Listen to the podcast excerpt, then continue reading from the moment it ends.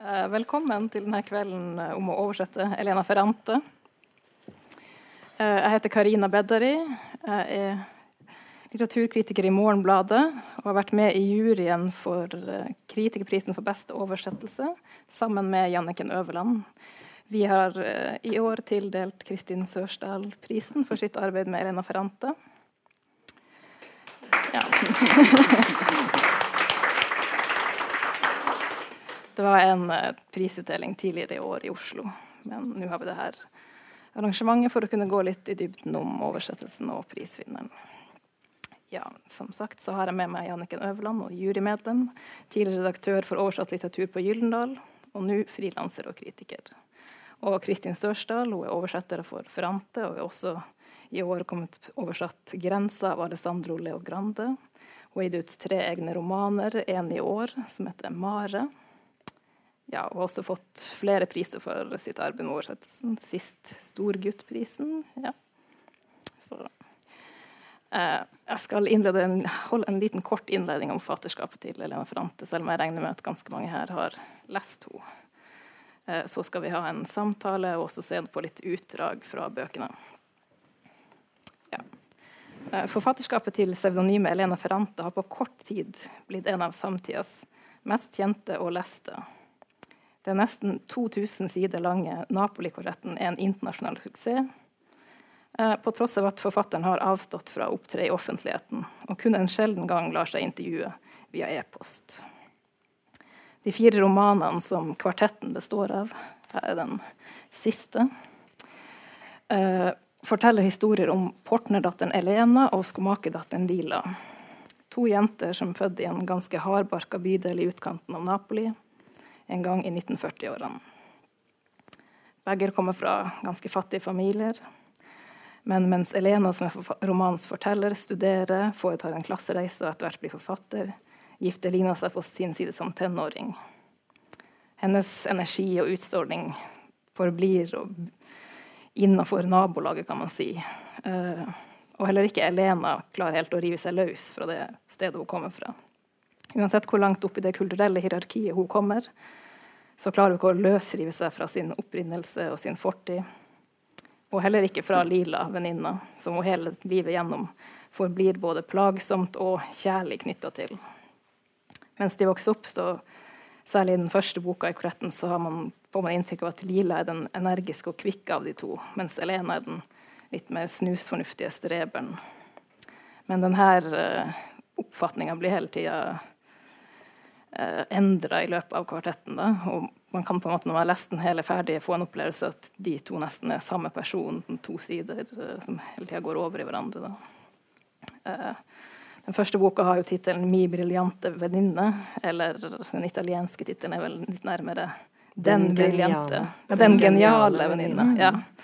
Og spørsmålet om hvem som er den briljante eller geniale av de to, det forblir sentralt gjennom alle fire bøkene. Og samtidig som det er en intim fortelling om vennskap, kjærlighet, foreldreskap, ja, om alle relasjonene som livet består av fra barndom til alderdom, og også en slags levende refleksjon om på hva slags måte fortida hele tida er et sted i nåtida, så er det også en historie om en by, om en historisk periode i et urolig land, om politikk og økonomi, om organisert kriminalitet, om klasse, om utdanning og om kvinnesak. På noen måter så kan man kanskje si at det er et melodrama. Eh, og når jeg leste første bok, så ble jeg ikke så tatt av den ferrante feberen som eh, mange kritikere har snakket om. Jeg syns det virket liksom litt klisjéfullt, denne oppstillingen mellom de to uh, ulike jentene. Da. Men etter hvert som jeg leste meg utover i kvartetten, så ble jeg mer var for liksom, innflettingen av historie, og ikke minst for de språklige variasjonene, det språklige registeret. Ja. OK, er det ikke hmm. ja, Nei, han må skru opp, mente du. er lyden på, da? Er det på? Ja, OK. Ja. Bare lav. Ja, det står ånd her. Så. står ånd her. OK. Jeg er ikke så god på å snakke høyt, men jeg skal eh, prøve som best jeg kan. Um, ja, uh, men, og siden vi også er her fordi at Kristen har fått prisen for verste oversettelse, så hadde jeg lyst til å sitere litt fra pristalen som Audun Lindholm holdt på vegne av oss i juryen tidligere i år. Dette er altså sitat.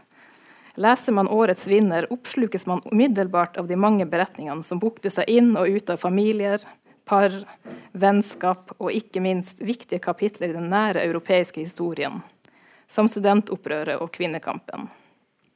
Samtidig merker man seg at oversetteren har sørga for at forfatterens vide språklige register, fra det napolitansk-aggressive via det ungdommelig romantiske og politisk intrigerende til det seksuelt betroende og modent reflekterende, er blitt overført til et presist, uanstrengt og vitalt nynorsk. Verket omtaler ofte ulike dialekter og sosiolekter, uten å bruke dem. Likevel gir det sterke inntrykk av hva språket betyr i romanpersonene sine liv. Romanen er ført i pennen av en selvgranskende forteller som forsøker å forstå sitt eget og venninnens liv gjennom å skrive. I det ytre kan romanen ligne en dannelsesroman. Men den er ikke skrevet fra den tradisjonelle dannelsesromanen avklarte, tilbakeskuende synspunkt. Snarere vakler den mellom ulike holdninger til det å fortelle. Verket endrer underveis karakter flere ganger. Ikke minst beveger det seg fra en kontrollert fortellermåte til noe råere, mer uformidla, ubehandla.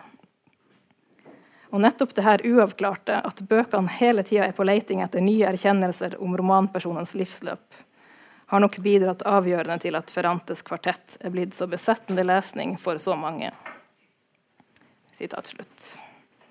Ja, jeg hadde egentlig tenkt å begynne med å spørre hvordan den besettende lesningen har vært for dere. Hvordan oppdaga dere Ferrante, og hvordan opplevde dere det først? å lese henne. Kristin, du kan jo begynne. Skal jeg begynne? Ja. Ja, for jeg, jeg, er heller ikke noen som helst stor fan av store eh, fortellinger med skilsmisser og drap og kjærlighet og Lila og Elena og vennskap og 2000 sider. Eh, jeg, jeg, leste Samuel Beckett og Herta Müller eh, før. Eh, og hadde aldri tenkt meg å lese verken Knausgård eller Elena Ferrante.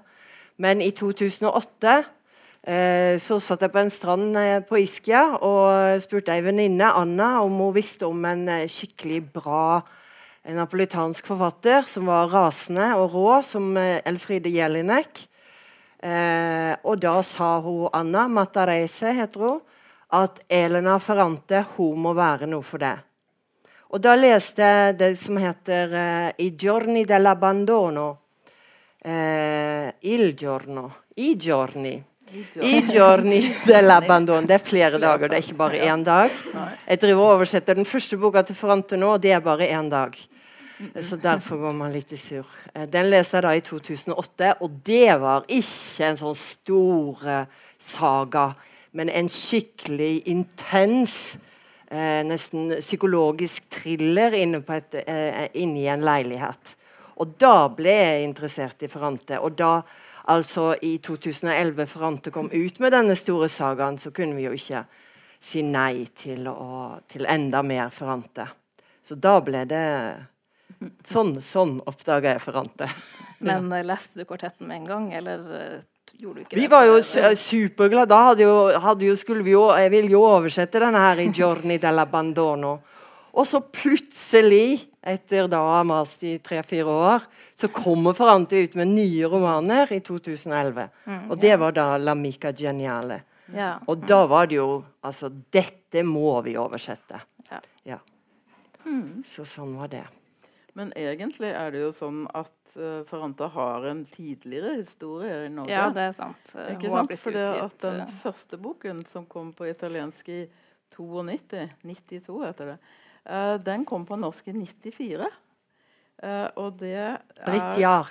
Ikke sant? Mm. Med en veldig rar tittel, for egentlig så heter han sånn freskt oversatt 'ødelagt kjærlighet' eller 'skadelig kjærlighet' eller uh, Skadende kjærlighet. skadende. Er det den den skal hete? Nei, den skal Nei. hete Kvelende kjærleik. Ja, Ja. på, I den så heter den 'Hjemreise'. og Det er ikke helt dumt, det heller. For det er om en som reiser hjem, og til hvilken by reiser hun hjem?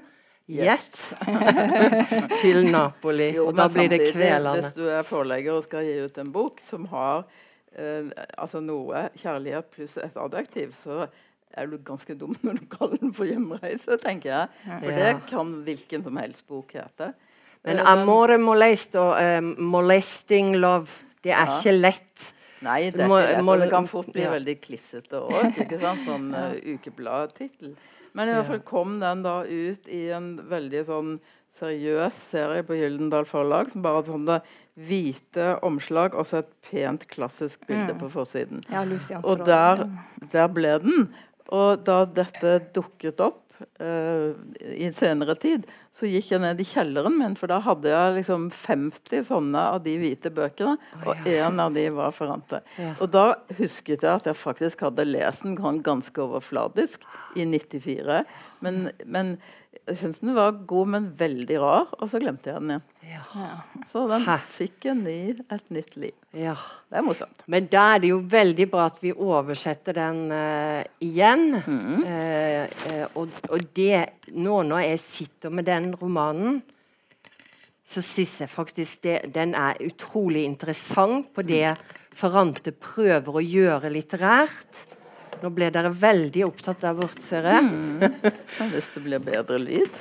hun, hun prøver jo på en måte, også i Napoli-kvartetten, det der å få eh, minnelag til å stige opp i, i en sånn samtidig eh, handlingsforløp. Og det regn... Altså, hun har ikke, det var det hun begynte Det var utgangspunktet til Ferrante.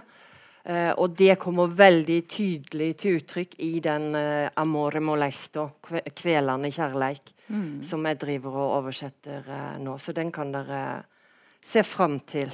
Den kommer ut i mars. Ja. Er det det siste du skal oversette av henne, eller blir det Nei, og så Fordi Ja. har sju romaner. Ferrante ga jo ut tre romaner før 2011, da Napoli, det vi kaller Napoli-kvartetten kom ut. Eh, og så i, i eh, kanskje etter 'Giorni dell'Abbandono' så ga hun ut eh, en samling eh, refleksjoner rundt sitt eget Artikler. forfatterskap og intervjuer. Og den boka har jo da bare blitt enda større eh, og blir gitt ut i, er blitt gitt ut igjen. Og den kommer på norsk i september. Og den har tittelen 'Frantomalia'. Eh, Ikke på norsk. I norvegese er Ja. si.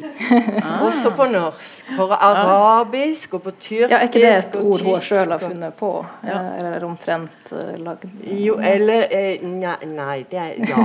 Eller det Både det og et annet ord som, heter smar, som hun bruker, 'smarginatura', er to ord som hun sier at hun har hørt mora si si på napolitansk.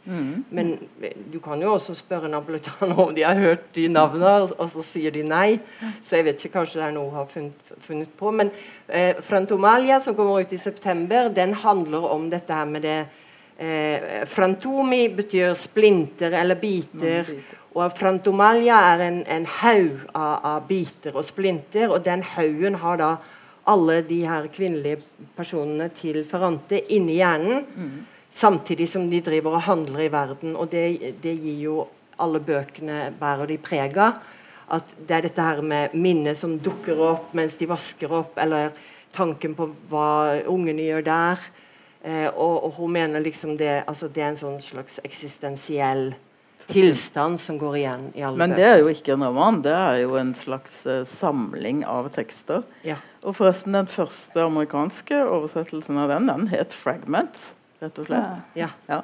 Det var jo et ord som begynte på F, det òg, liksom, så da tok de det. ja, det er fragments som blir på, i en sånn Så du må ha den alja inni.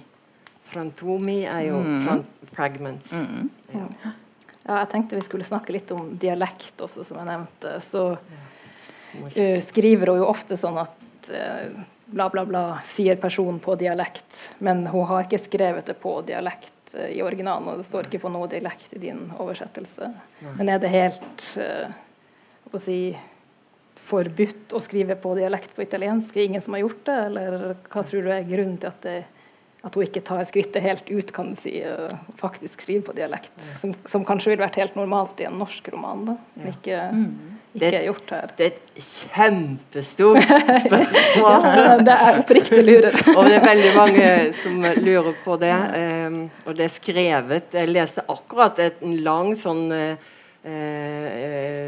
artikkel, vitenskapelig artikkel om akkurat det på okay, italiensk. ja. Eller uh, av en italiener. Så de, italienerne er også veldig opptatt av hvorfor uh, Elena Ferrante sier Sa hun på dialekt, og sa hun på italiensk, og sa han på eh, Mm. Uten i, eh, i eh, For det, det tenkte jo jeg og da jeg leste det første gang, at dette her var veldig ulitterært. Å si Altså, Lila er i bydelen, og alle, alle snakker napolitansk i bydelen. Og så står det i boka 'Sa Lila på dialekt', og så står det under på kav italiensk. Eh, og mange jo, noen lesere har jo lurt på om det var vi som fant på det, fordi at det er såpass vanskelig å oversette napolitansk. Eh, men det er det jo ikke. Det er et bevisst valg Frante har gjort. Fordi eh, jeg leste et, eh, i et intervju at eh, så sier hun Hun har jo Elna Ferrante har et spesielt forhold til Napoli.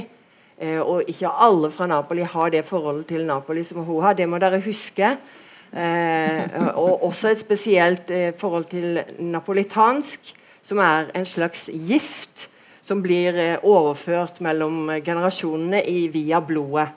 Eh, og hun sier i det intervjuet at hun foretrekker å la napolitansken komme som et ekko bak eh, italiensken, men på en truende måte. Så n- eh, napolitansk får faktisk aldri eh, komme til orde i eh, de 2000 sidene. Det er kanskje tre ganger. Det står omene merda'. Møkkamenn er ett sted. Er eh, kanskje noe annet. kilostron så står det et annet sted. Men det er veldig få ganger. Men det går absolutt an å skrive romaner som er veldig gode. Jeg holder akkurat på med en enda bedre forfatter enn Elna Ferrante. som jeg prøver å få noe overbevist et forlag til å, å ville ta. Eh, og hun er, my, er, er så inn i Napoli-sjelen og bruker napolitansk sånn som også Ferrante faktisk kunne ha gjort det. Ja.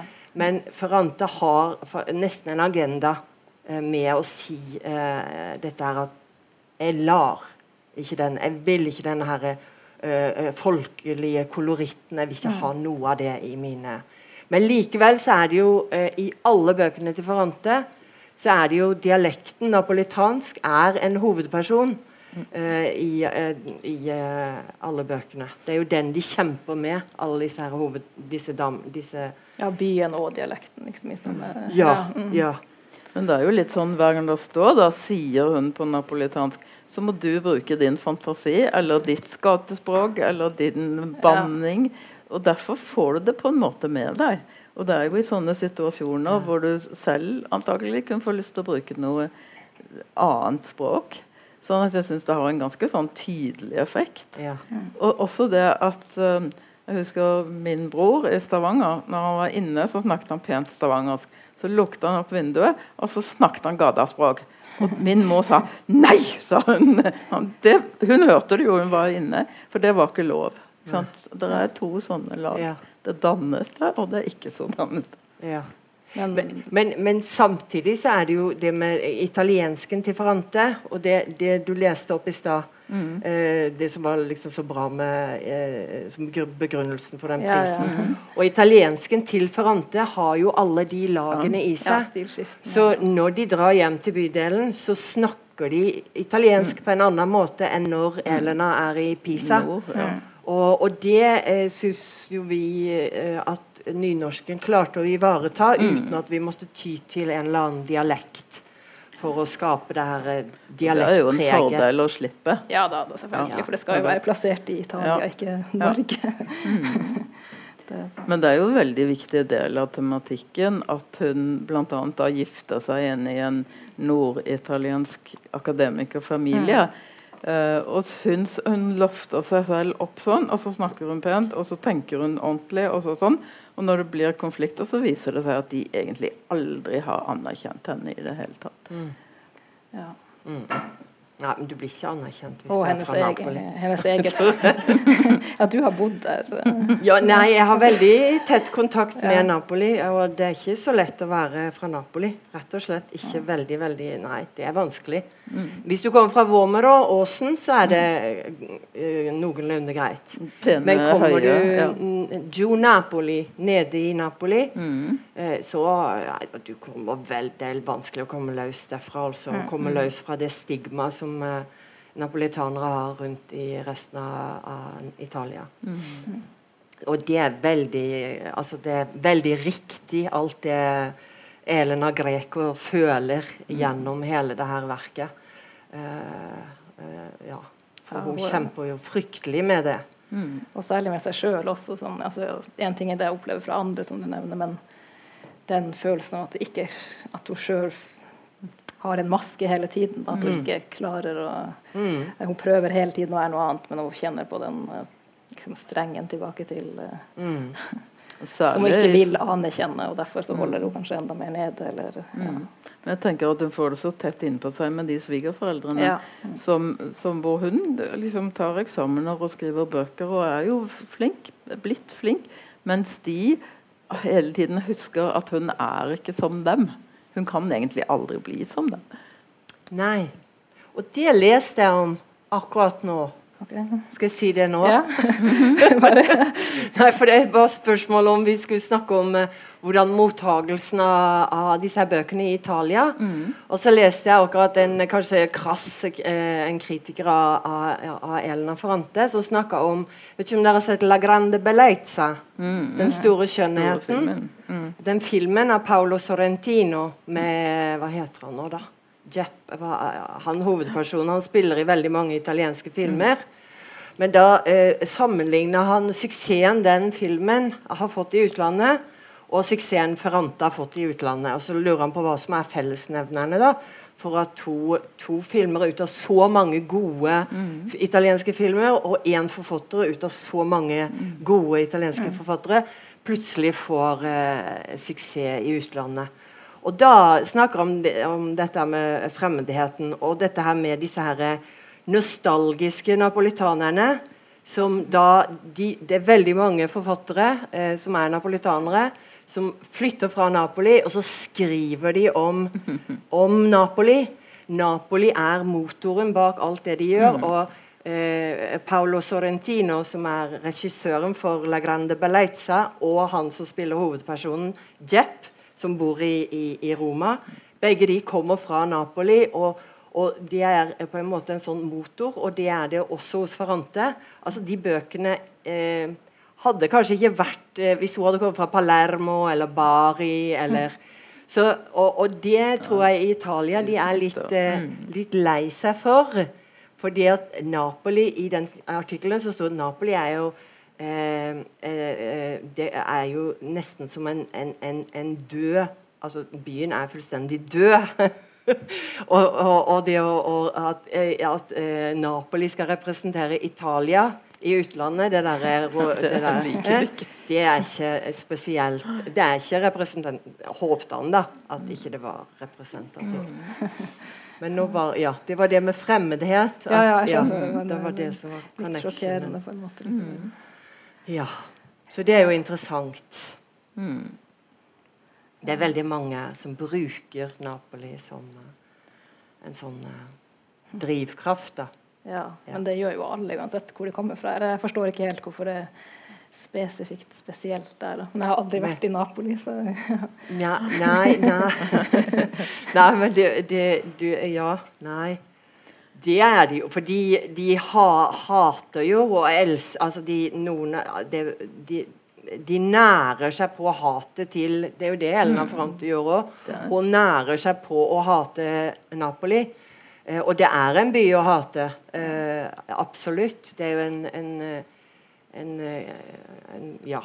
Ja, det er sant, men det er jo ikke likevel et eh, rent nid-portrett av Napoli. eh, Nei, nei. Nei, men altså, det er jo veldig vakkert der. Ja. I utgangspunktet er det jo utrolig vakkert. Med altså, Napoli-bukten og himmel og hav og Vesuv der nede. Mm. Sånn at i, du, hvis du kan ta vekk liksom all trafikken og dritten og sånn, så ville det vært veldig fint. Ja, men i fjerde bok også, når Lila blir så besatt av Napoli, da kommer det jo frem noe av det vakre og historien. Mm. Ikke sant? og- Ja, det gjør jo det. Det er jo noe forsonende Mm. der, i hvert fall. Men Ja, altså, og- i jeg, dag jeg vet ikke om dere har sett coverne på de originalbøkene. originalbøkene. Oi. Ja. De, de, men, de er jo litt sånn men de er jo veldig rare. De er fra, ja, men jeg tenkte på Disse her er pastellfarga, sant? Mm.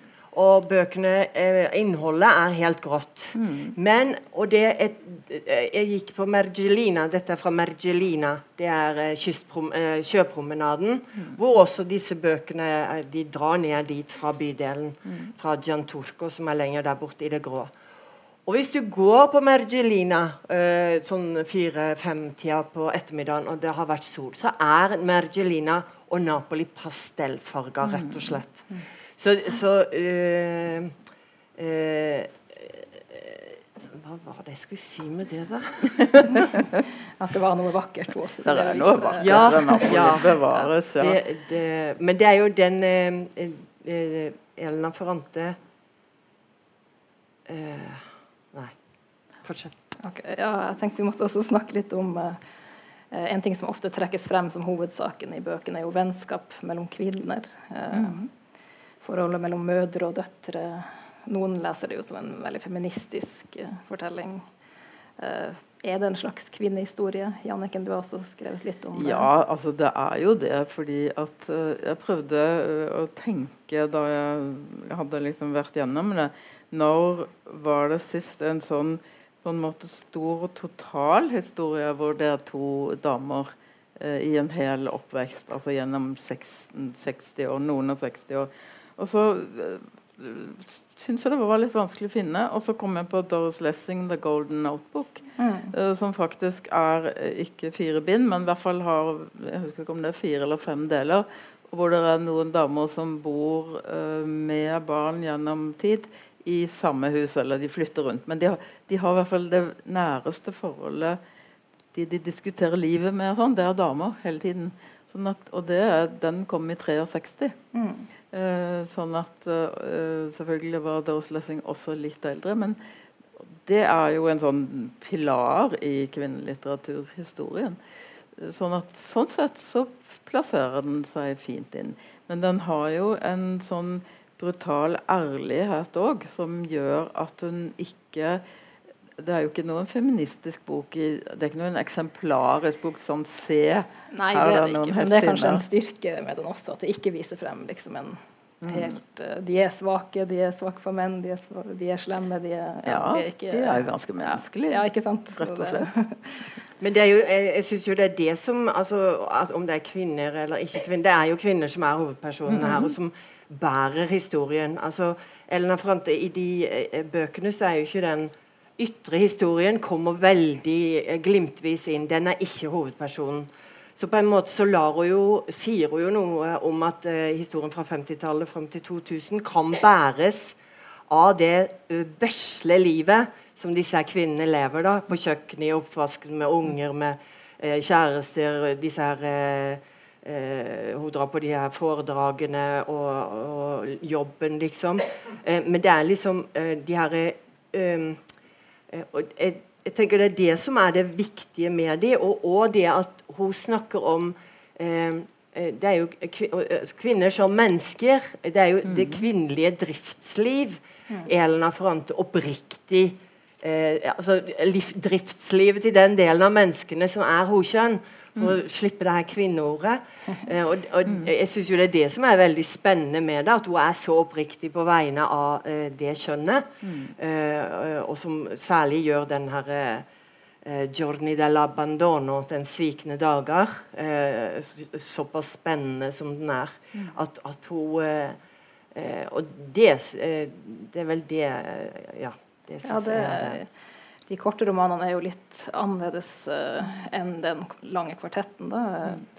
Og, hun sier liksom at hun nærer seg på eh, altså Det som er motoren, er understrømmene i menneskene. Og, og det er jo eh, Altså, det er, er, Det er jo det er ikke, handler, handler ikke om å, å, å bli statsminister eller Nei, bli nei, nei. diplomat eller reise til Syria og være journalist. Det handler om helt sånn derre eh, ja, og hun viser Det er det hun skriver om. Hun viser frem det på en mer kanskje rå, brutal måte i de korte romanene. da, Mens i det, kvartetten så blir det litt mer dratt inn i historien. Og, Men, men du er ser jo òg på mottakelsen av de fire bøkene at det er veldig mange menn som har gitt dem veldig god omtale. Ja, og det virker som de også vektlegger det historiske. Ja, men jeg tenker uh, Altså, vi damer har lært oss gjennom alle år å lese lese Per Gynt og tenke at du er Per Gynt, lese 'Gamle mannen og havet', så er du den gamle mannen eller havet.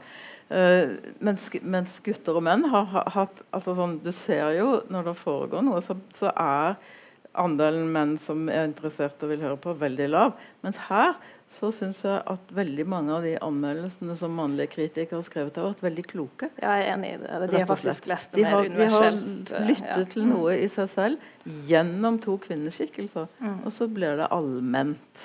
Og det er strålende, Ja, Mm. det, faktisk. Men apropos Nei, de korte. Ja, jo, nei, snakk. Jo, de Ja. korte romanene kan vi snakke Ja. om. Nei, ja, men jeg bare Ja. tenkte dette Ja. med, med histor... Det, det, um, Det historiske. det historiske Mm. Eh, når, når jeg satt og oversatte særlig bok tre og bok fire, Mm. så er det jo bare Og det, det, er, jo, det er jo ganske surt hvor lite eh, Forante nevner det historiske. De hører om Moro f.eks. Mm. på radioen når de sitter i Roma, og så kommer det ikke noe mer. Og Lila eh, ser Pasolini på et Mm. møte eh, i, uh, utafor Napoli Mm. i, på 60-tallet, men ikke noe mer. Og hver gang disse her tingene blir nevnt som en oversetter, så må jeg gå inn. Mm. Det er en sånn eh, skandale også i politikken som Nino er involvert i, som ikke Ferrante sier noe om. Så hver gang må jeg inn og, og, og, og, finne ut hva er det som skjer, hva er det som skjer, og hva er det som skjer. Så jeg liksom tenk, kunne tenke meg så mange historiske fotnoter til særlig eh, verk tre og verk fire. I hvert fall på norsk. Ja. Eh, ja, Mm. ja, sikkert også alle de her bombene som går av etter hvert. Ja, ja. Det er masse eh, Ja. historisk materiale Men som samtidig, blir utelatt. fordi hun ikke gjør det, så blir det ikke en av de bøkene som er hengst opp på de der historiske Nei. begivenhetene. Hun er ikke noen Kjetil Bjørnstad, akkurat. nei. Og, og, og, men alle rollene de kvinnene tar, er også, jo også sammenheng med historien og samfunnet. Mm, ja, så det kommer jo ganske. Mm. tydelig frem, syns jeg. da. Mm.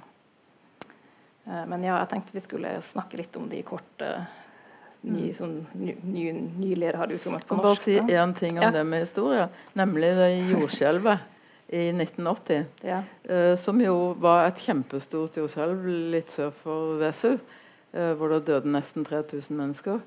Eh, og det var en søndag om ettermiddag på kveldsbønn, er det det det heter, i kirkene. Så kirkene falt sammen og gamle unge døde. Men det klarer hun på en måte å flette inn i handlingen så elegant.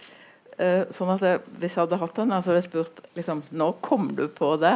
At du kunne legge den Hvis vi skal snakke mer om det der eh, Smarginatura. Ja, det er vanskelig ordet. Så er jo det at alt på en måte går, Alt rister, og alt går i stykker. Og Lila er den som på en måte eh, kroppsliggjør det.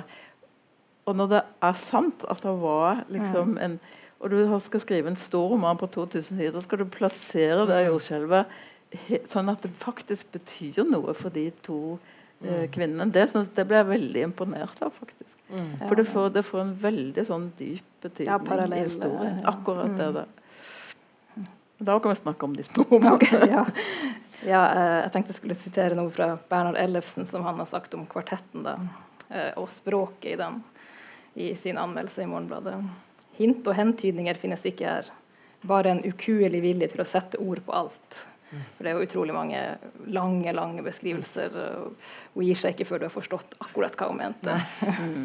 Mens i de korte romanene 'Den svikne dager' og 'Den dunkle dattera', så er det litt mer sammenpresset, råere. Du går rett inn i situasjoner. Det er litt, en helt annen leseropplevelse. Jeg tror kanskje det er nest Eller jeg vet ikke, jeg liker det, det liksom sveipen og de lange linjene i kvartetten. Men mm, jeg likte kanskje de andre enda bedre. Men det er viktig å huske at de kom først. ja, ikke sant? ja, det er sant. Uh, og det er jo spennende å tenke Var det liksom en, noe, en øvelse? Mm. uh, disse her, Uh, for det er sånn isolerte damer med klassiske, flotte navn. Leda og Olga og Delia. Eh, samtidig som hvis du har lest de små, og så har du lest den store, så kunne du ta en av de små og så putte inn som en biperson med en egen historie. Sånn at de er jo ikke fra et annet univers, de er jo fra det samme Ja, det er akkurat samme universet. tematikken som går igjen. Og det er det, Men, men de, altså der hvor de, den lange er liksom sånn, så de, de løse er sånn, og så går de ned på en annen måte og opp. Altså det er høyere sinne, mer eh, energi, mer faenskap og, og ganske skumle ting. Men eh, ja, for det er jo som om alle alle kvinner eh, eh, Dette med gåten Hvem er Lila, hvem er Elena, hvem er Elena Ferrante i forhold til Elena Greco. Så eh, når du, man leser eh, denne her veien vi leser nå, da, eh, så finner du jo altså det, er, det er som om eh, Leda kunne vært Elena i den tida eh, av Elenas liv, og Delia eh, eh, bor jo faktisk der i den bydelen som aldri blir nevnt i, eh, i eh, Napoli-kvartetten. Og, og Olga, som bor i Torino, og som har reist fra, fra Napoli eh, eh, så, så det blir på en måte at du ikke er helt Særlig år siden forfatteren er anonym, så ha, har du aldri eh, Det blir noe mystisk og noe gåtefullt over hele verket. Du finner hele tida stadig små små Spor, hentydninger om, liksom. om hva, hva, hva er det egentlig her som skjer. Uh, uh, og det syns jeg er eh, mye av det spennende med eh, Mange snakker om at det er realistiske verker, men det er jo fullt av utrolig mye mystikk og det her med de forskjellige eh, kvinneskikkelsene.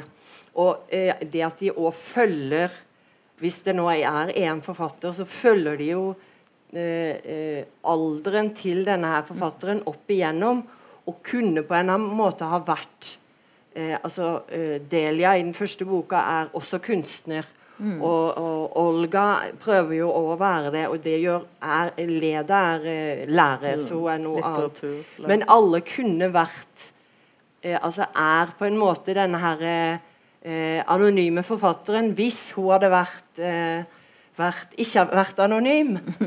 Men de er i bøkene, og det er ganske spennende trekk. Og sånn er det jo også med Elena Greco i de fire bøkene.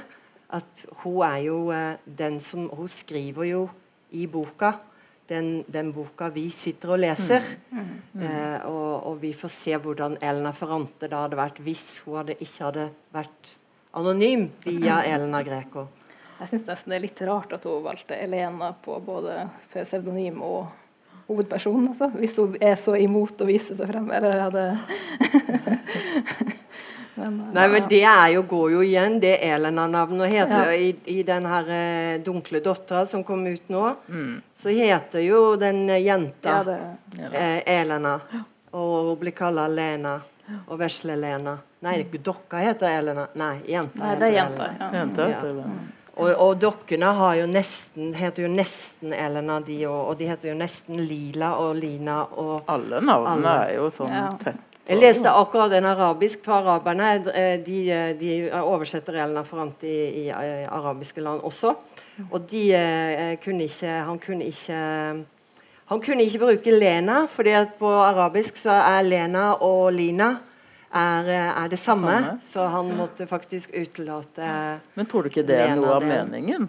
Så det var, det det, Kanskje hun er nærmere, tenkt. Hun er faktisk nærmere Midtøsten og Nord-Afrika. Mm. Napoli er jo nærmere det enn enn, en, en oss. Også i navnet. når du har lest hele og kommer mot slutten av den siste, så tror jeg alle jeg har snakket med, i hvert fall begynner å lure på om de er to. Ja. Eller om den ene har spist den andre, på en måte. Eller eh, lånt, liksom. Eh, og det er jo en sånn, sånn ganske sånn eh, vanskelig tanke.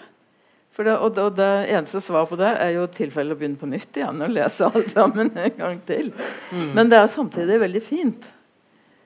Fordi det peker liksom inn mot problematikken hvor inspirasjonen kommer fra, hvem som lever, hvem som skriver. Ja, det er hele tiden de Hvem som utnytter den andre. Hvem som dytter, hvem som holder igjen.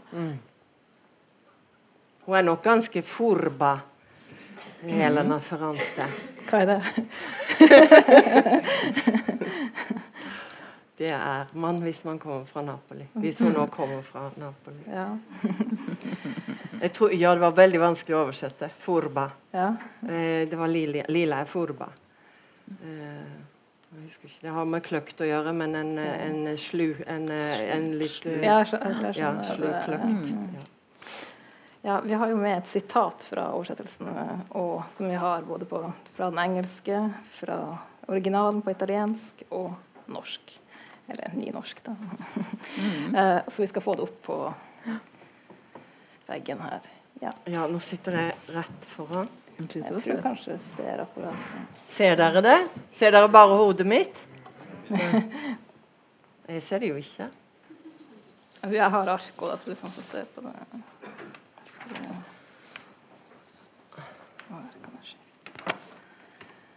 Um, ja, jeg hadde egentlig først lyst til å spørre om stilen hennes på italiensk, for jeg kan jo ikke italiensk. eh, så Og jeg er på italiensk, ja.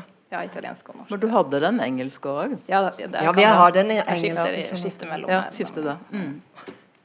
Men uh, jeg lurer på om hun skriver typisk italiensk, eller skriver hun liksom ned altså, Hvordan Hvordan er Jo, jeg tror det.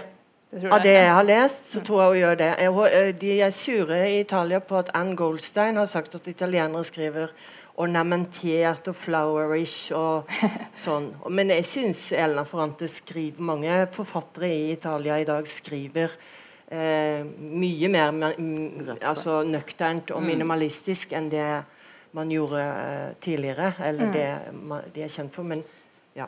Ja, så, Så, men eh, det er en forskjell fra det klassiske italienske. Hun er jo fra- ordrik. Ja. Og det er hun for Hun er mer ordrik, tror jeg, enn vanlig. det som er Men vanlig den er på ikke så utbrodert. Altså, hun er veldig sånn det, det er langt, på en måte. Men det er ikke sånn blomstrende. Det er ikke mange adjektiver og sånn. Og. Adjektivet Jo, jo, i, i hver setning. Men det er ikke sånn hun er både pen, snill og kjekk i Nei, er, men, men hun er, hun er adjektiver. eh, eh, kløktig pen, eller hun, hun kan liksom sette et, eh, to adjektiv foran et skildrende substantiv. Så masse Jo, det er masse. Mm. Jeg har mange eksempler her, for jeg tok de med, for jeg er litt eh, Men for, for hun ble spurt om dette, og da sa hun at hun ikke var så glad i adjektiver. Oh, ja. Men hun har ikke kanskje orden på seg selv. Odoratezza tormentata, blant annet.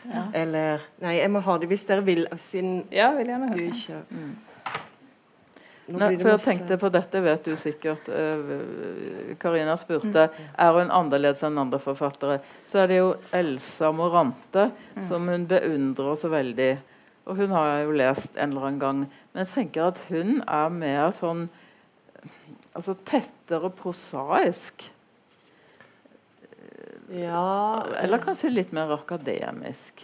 Ja, for Elna Ferrante snakker om 'Mensonia i sortileggio', Ja, den, den første. den første Og den er ikke oversatt til noen Nei, den andre språk.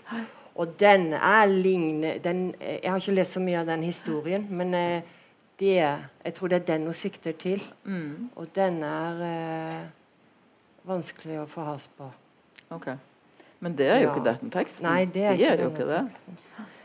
Nei, du, eh, det er du som har valgt ut det her utdraget, og når du Ja. så det igjen, så fant du ut at det var litt for noen småfeil du ikke hadde Ja. fått uh, Ja, nå tok jeg, men dette var noe ja, ja, vi kan ta det først, hvis du Ja, for det, det, det, det er faktisk eh, det er, eh, I Italia òg så har det blitt sagt at hun bruker mye Eh, og det må dere ha lagt merke til at hver gang noen sier noe, så må det bli fortalt hvilken sinnstilstand de er i når de sier det. Eller når de uh, gjør noe, så er de alltid i en sinnstilstand, og det er forante uh, intens på i uh, Napoli-kvartetten, men ikke så mye i de tre første Kortere. bøkene. Så hun er jo blitt eldre og litt mer flowerish. Ja. Eh, så hun sier Det er annet sånne også, også på nynorsk er det vanskelig med sånne abstrakte substantiv for følelser. Eh, eh, sier eh, blant annet 'con tranquillo disprezzo'. Og da har du altså da, eh, da blir avsky eh, eh, skildra. Hvilken type avsky er det du har? Du har ikke en rask avsky eller en, eller en, en, en vond avsky eller en god avsky, men du har, da har du en, en, en balansert avsky. Eh, eller så sier hun 'con lucidità crudele'. Og, og, eh, og er når du er, hjernen din lyser og du, du, du, du har, har klare tanker, men den er vondskapsfull, da. Den er presi, da, da, da skriver vi med vondsinna presisjon. Og det er litt sånn eh, litt, litt krøkkete. Jo, men det er ganske presist òg, da. Ja, det er veldig presist. Jeg tror ingen norske forfattere hadde kommet hadde unna med, med noe sånt. Nei, kanskje ikke. Nei. Men de er, litt, de er veldig vanskelige for oss på nynorsk. Mm. Ja. Men ellers så kler jo nynorsk eh, Det virker jo som altså Når jeg leser Jeg har ikke lest så mye om den engelske, men uh, jeg syns den virker litt mer eh, glatt på en eller annen måte. Eller, Ja. eller litt mer elegant. Litt, ja, jeg likte ikke den like altså, jeg synes den men nå har jo ikke jeg lest den eh, italienske, da, så jeg har bare Nei, det- sammenligningsgrunnlag det meg mellom de to. Nei, men det fins jo andre som kan lese italiensk. Ja da, så jeg har jo ikke skrevet min Jeg har ikke Nei, latt meg rive med av meg sjøl. Men jeg tror at den engelske er god, Ja. men den, den har lavere sånn eh, mellomrom mellom høyt og lavt. Mm. Altså Den beveger seg mye mer i det midtfeltet. Ja. Og den fly, og den er kjempelett å lese. Mm. Og det var en liten sånn greie her òg, hvor jeg Ja, jeg tenkte at hun på er engelsk Der er engelsk og norsk. Det er jo et fantastisk etat da, forresten. Ja. Mm. Eh, så hvis vi skulle sagt noe om den eh, marginaliseringen Smarginatura. Så er jo dette ta et eksempel på uh, Lilas eh, Ja. fornemmelser. Uh, kan ikke du lese det ditt Ja. avsnitt der? Okay. Men nå har vi drevet på lenge. Ja da, vi Skal skal, ikke bare ta det, det, si det, det er noen som ser på klokka og gjesper. Ja, ja. Men du må lese det. Fordi egentlig så er det òg et sitat som viser at det er ikke bare realisme i denne boken. Nei, Ja, det sant. nei, Og særlig ikke inni hodene på de to damene. Mm. Det er lila, eh, dette. Og så blir det også sagt at Elna Elena er en mester på indirekte tale, på å gjengi indirekte tale, og det er jo faktisk. Mm. sier Eh, hun Det er Lila som snakker her gjennom Elna Greco. Mm. hun snakka lenge. Eh, det var første og siste gang hun prøvde å forklare meg nøyaktig hvordan hun oppfatta den verden hun bevegde seg i. Fram til nå, sa hun, og her gir jeg et sammendrag med mine egne ord av i dag, trodde jeg at det dreide seg om noe fælt som kom, for så å forsvinne igjen som en barnesjukdom. Husker du da jeg fortalte deg om koppergryta som gikk sund? Og nyttårsaften, da solarene skjøt på oss. Husker du det? Skåta var det som skremte meg minst. Jeg frykta derimot at lysa fra fyrverkeriet kunne være så skarpe, spesielt det grønne og det lila var som barberblad, at de kunne snitte oss i to.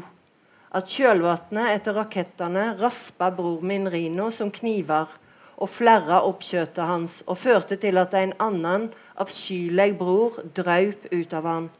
En som jeg måtte sette inn i den gamle forma si straks, for at han ikke skulle kaste seg over meg og gjøre meg vondt. Hele livet eller nå har jeg ikke gjort annet enn å demme opp for slike øyeblinker.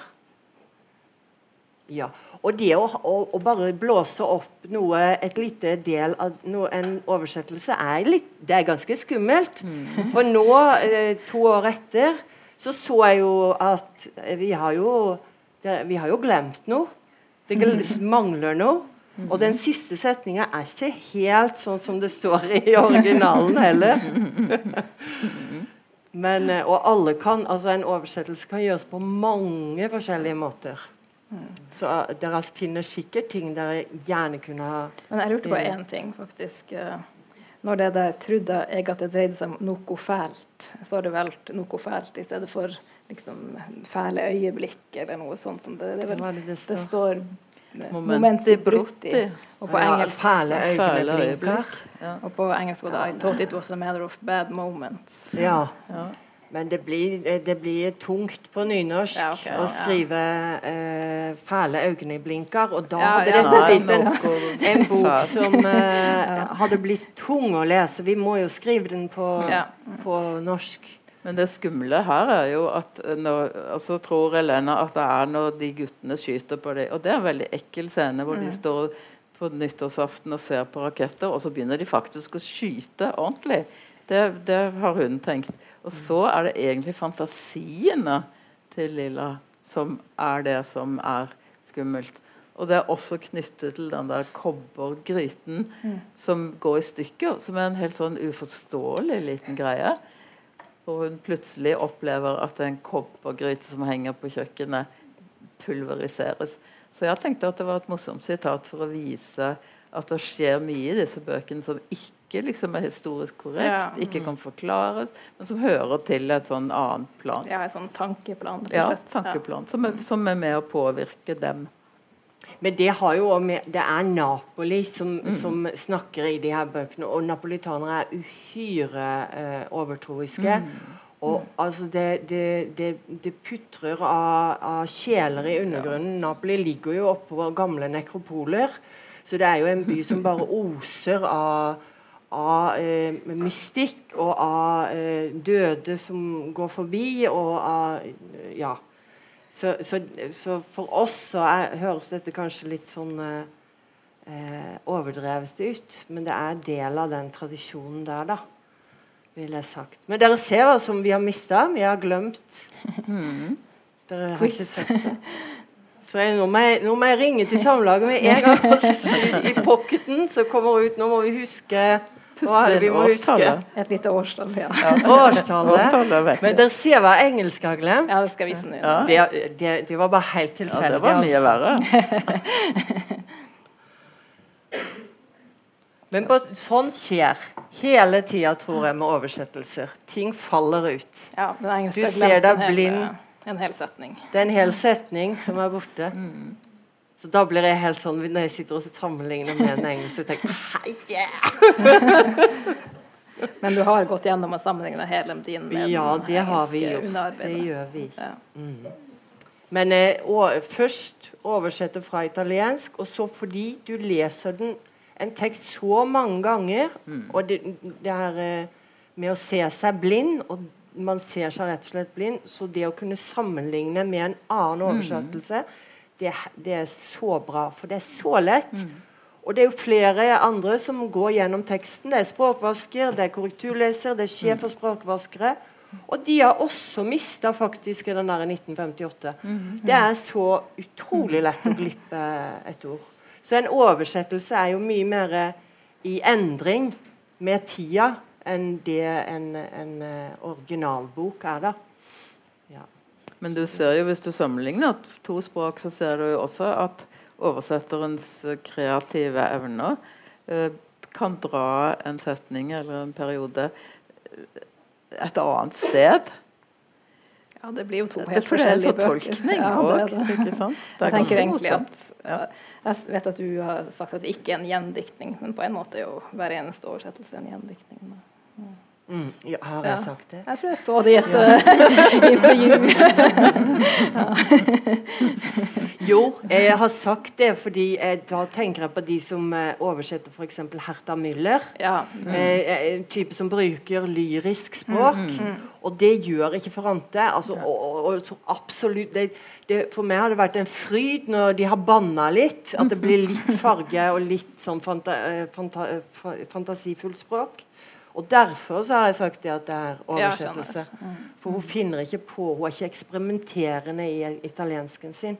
Hun bruker standard italiensk. Og heller ikke dialekt, så det er ikke ting jeg har måttet gjendikte og være fri sant, fra originalrasen. Nei, vi kan avslutte her, egentlig. Eh, tusen takk til alle som kom for å høre på. Takk, Kristin og Janniken.